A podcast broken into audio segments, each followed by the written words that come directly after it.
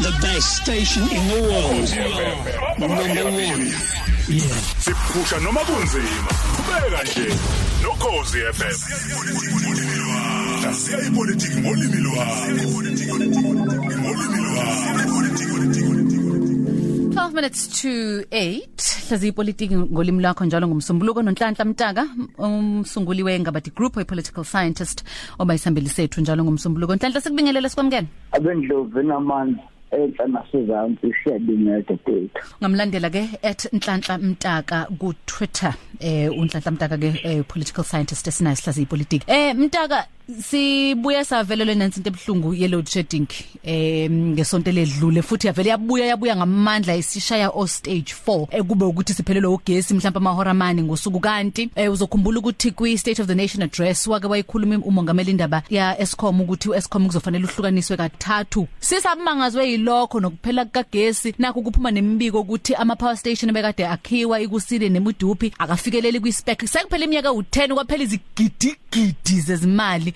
Kwenzakalani ngalolu daba lika Eskom lokho esikubikelwayo kuyiqiniso ngempela? Uma ngithola ithuba lokuyofundisa abafundi lapha enyuvesi ngithi kubona ngibeluleka kwapolitiki. Enye into ehloniphekile kusopolitiki nakuhulumeni angayisho mayibuza umbuzo ukuthi angazi ngoba umuthe awazi uqala uhambo olusha lokuthola ulwazi lalokhu ongakwazi. Ngeshwa lethu ke osopolitiki bethu abakwazi ukuthi angazi. Umuntu nje afake lento engekho esikhundleni sokuthi uqale ngokuthi akazi. Iqiniso dadethu lithi uhulumeni umengameli nathi sonke asazi ukuthi kwenzekeni eh kwa Eskom kodwa uma sibuka umlando wokusebenza kwalenkampani siyasola noma singasola ukuthi inkinga ihluke negabe embi. Eyokuqala uma sibuka imibiko yakho Telkom singavumelana ukuthi kungenzeka ukuthi eminyakeni edlule bathela imali ohlelweni oseliphelelwa isikhathi naso hlelweni okungenzeka ukuthi sathi uma sidayiselwa sanikwa izinto engenawo amandla okubhekana nesimo sikagesi waseNingizimu Afrika. Ngisho ngani lokukhumbula abantu bakithi mhlawumbe abazi. Lo Eskom entuvala ugesi la ufake ugesi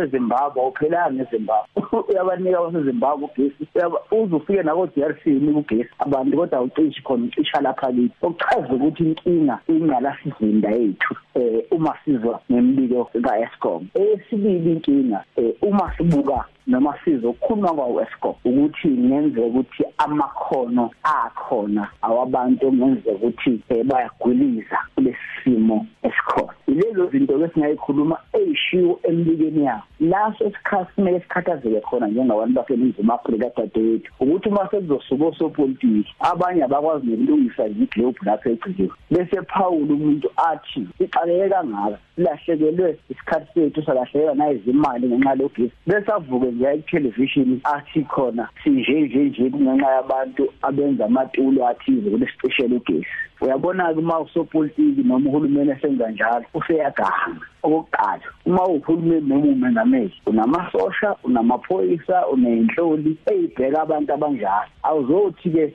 uma usubona ukuthi awazi uzothini bese uze emsakazweni eh na television uzothi kunabantu abagangayo ungasitsheli ukuthi obani okokuqala okwesibili ungasho ukuthi uzokwenzani ngalokho ngoba laba basho njalo bakhuluma nje abasho ukuthi isixazululo isiphi. Iqiniso lithi okwenzeke ngolesihlanu sikwazi ngezwe laba abaphethe ongabaya kwenza manje ukuzama ukubheka ukuthi yini engenzeka ukuthi isifake intingeni ngoba uma belokhu beqhamuka nezinsolo engabambeki bazosolwa nabo. Isibonelo kukhona abenzo umongameli njengoba nomnumzana ukodwa njengoba bethi kunabantu abahleli emakhoneni abacisha ugesi ngabomu. Kukhona abazobasola nabo bathi cha ucishwa yibo ngabomu benza ukuthi lento ade beyikhuluma. Ekunkulumo kamongameli bafuna ukudayisa uEskom. Uyabona ke dadewethu uma ufuna ukudayisa into ngemali encane uqala uyenze ingabi yilutho. Angithi njengoba uTelkom ukishela ugesi nje liyehla inani lawo? Abazoqhamuka bezowuthenga abazowuthenga sebeyocosha phansi. Yiyo ngithi ingozi yokuqhamuka nempendulo yokuqasha ukukhuluma izinto engekho bagcina abantu sebebuka wena ngoba yebo kasivume mengameli asivume uhulumeni kunabantu abagangayo. Wena ugangi awenzeli ukuthi uma sebewuthenga bawuthole ngemali encane. Akufuneki sisolane enye into noma enye impendulo emqoka kosopolitiki bakithi ile ethi asazi ngiyazi ukuthi isikhathi sokhetho lesi akekho umuntu ofuna ukuthi akaze ngoba uyibona ngazi ukuthi uzobukeka njengomuntu ongenamandla. Kodwa uhulumeni nengamehlo musukuganga musukugangiswa abantu. Thana ngiyawazi bese sonke siqala sithola isicazelo ngoba uzosukisha into manje ngoba ushinto ngolesithathu ngolesine ngiyaxolisa kwasa ngakusasa sengokunye. Yikho njalo ngoba ufune ukukhuluma into ongenzeka ukuthi ufuna ukudlula kuyo ngoba umengameli uRamaphosa kakhulukazi yena. Ngiyababona ke laba abanye zizikodwa abayikhulumela nje kwabanye ngamaphalishi uyabona umengameli wezodadewethu akakwazi ukuthi kunenkinga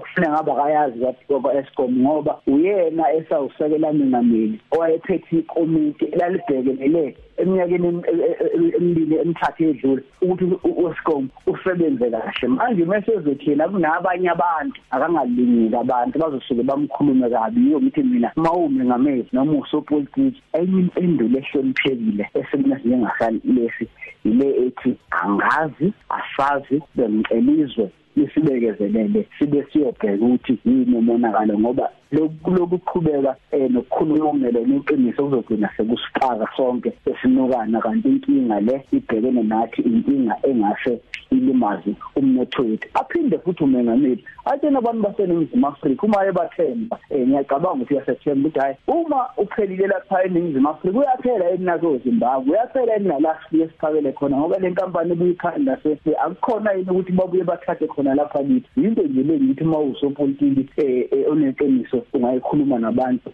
ubathembe ngoba inkampani yethu phela kuzakala kahle kakhulu ethi Nhlanhla Mtaka ku Twitter mawufisa ukuthi umlandele uNhlanhla Mtaka kuzona inkundla zokuxhumana 4 minutes to 8 vuka nathi #VMBS #VMBS